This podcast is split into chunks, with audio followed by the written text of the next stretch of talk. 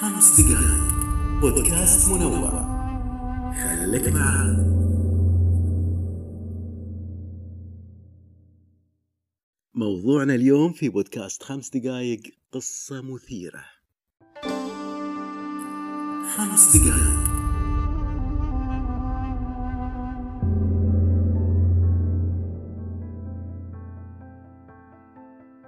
سنة 1930 فترة الكساد الكبير اللي حصل في العالم ازدادت نسبة البطالة والفقر في أوروبا وانتشرت الفوضى والأمراض والسرقة وكل شيء غلط. الوضع كان صعب.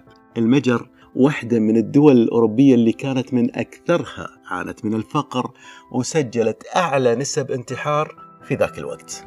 جوزيف كار شايب مجري لقوه في غرفته ميت لكن وفاته كانت انتحار. المهم الغرفة هذه كانت قديمة وقذرة والعجوز كان يعاني من الفقر والمرض فشيء طبيعي إنه ينتحر. الغرفة هذه ما كان فيها ولا شيء ملفت للنظر ما عدا طاولة صغيرة عليها ورقة فتحها المفتش ولقى فيها كلمتين الأحد القاتم. سالفة الأحد القاتم؟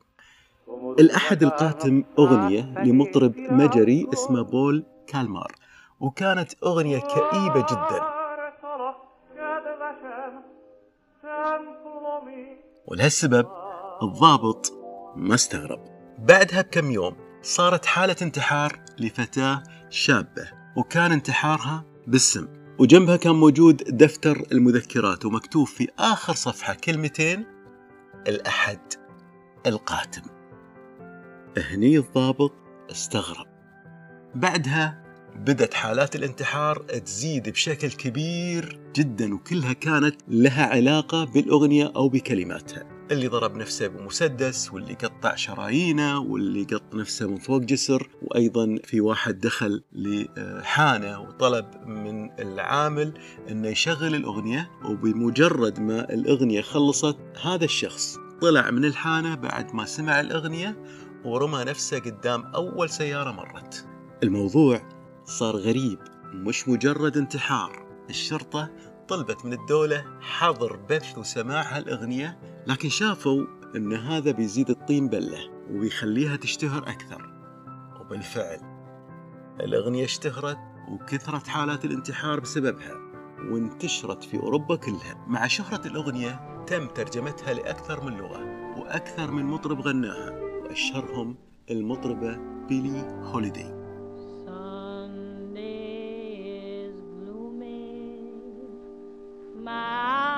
لكن منو اللي كتب هالأغنية ومن اللي لحنها وشو قصتها. خمس دقايق.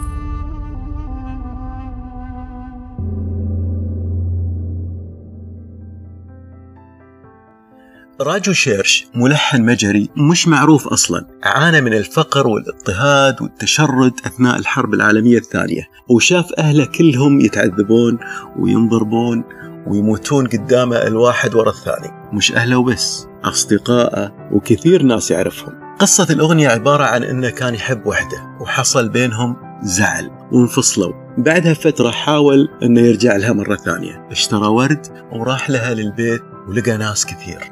ناس يصيحون وناس لابسين أسود في أسود. لقاها ميتة على السرير وكانت منتحرة خسر آخر شيء كان في حياته وأصبح وحيد. ومن هالموقف بدأ كتابة هالأغنية في ناس كثير اعتبرت أن الموضوع مبالغ فيه والأغنية ما لها علاقة أصلا. الفترة هذه كان العالم كله يمر بفترة كساد وفقر وحروب وخصوصا أوروبا. ومن الطبيعي أن حالات الانتحار تزيد ويصير شيء عادي. وفي ناس ثانية شافت أن الأغنية ممكن أنها زادت معدلات الانتحار. أنت أصلا عايش في فقر ويأس وحروب. وتسمع هالأغنية الكئيبة اللي تحسسك أن الحياة من عدمة أكيد راح تفكر بالانتحار. طبعا هذا تفكير شخص قليل إيمان أو أصلا ما عنده وازع ديني ممكن أنه يرجعه أو وازع أخلاقي أو وازع اجتماعي أو حتى وازع نفسي وعقلي. الغريب في الموضوع أن هيئة الإذاعة البريطانية البي بي سي حظرت نشر الأغنية وكثير من المحطات الإذاعية سوت نفس هالشيء واعتبروها أغنية مؤذية. اللي أغرب من هذا والمأساوي أن كاتب الأغنية بعد وفاة حبيبته وبعد ما كتب الأغنية وصارت له أمور كثيرة حاول أنه ينتحر. فرمى نفسه من بلكونة شقة كان ساكن فيها في الدور التاسع ومن حظه أنه وصل للأرض مجرد كسور وجروح لكنه استمر يتألم لفترة طويلة وما قدر يتحمل الألم على ظروفه فقام في المستشفى غافل الأطباء والممرضين وشنق نفسه بسلك كهربائي. الأمور ما وقفت عند هالحد.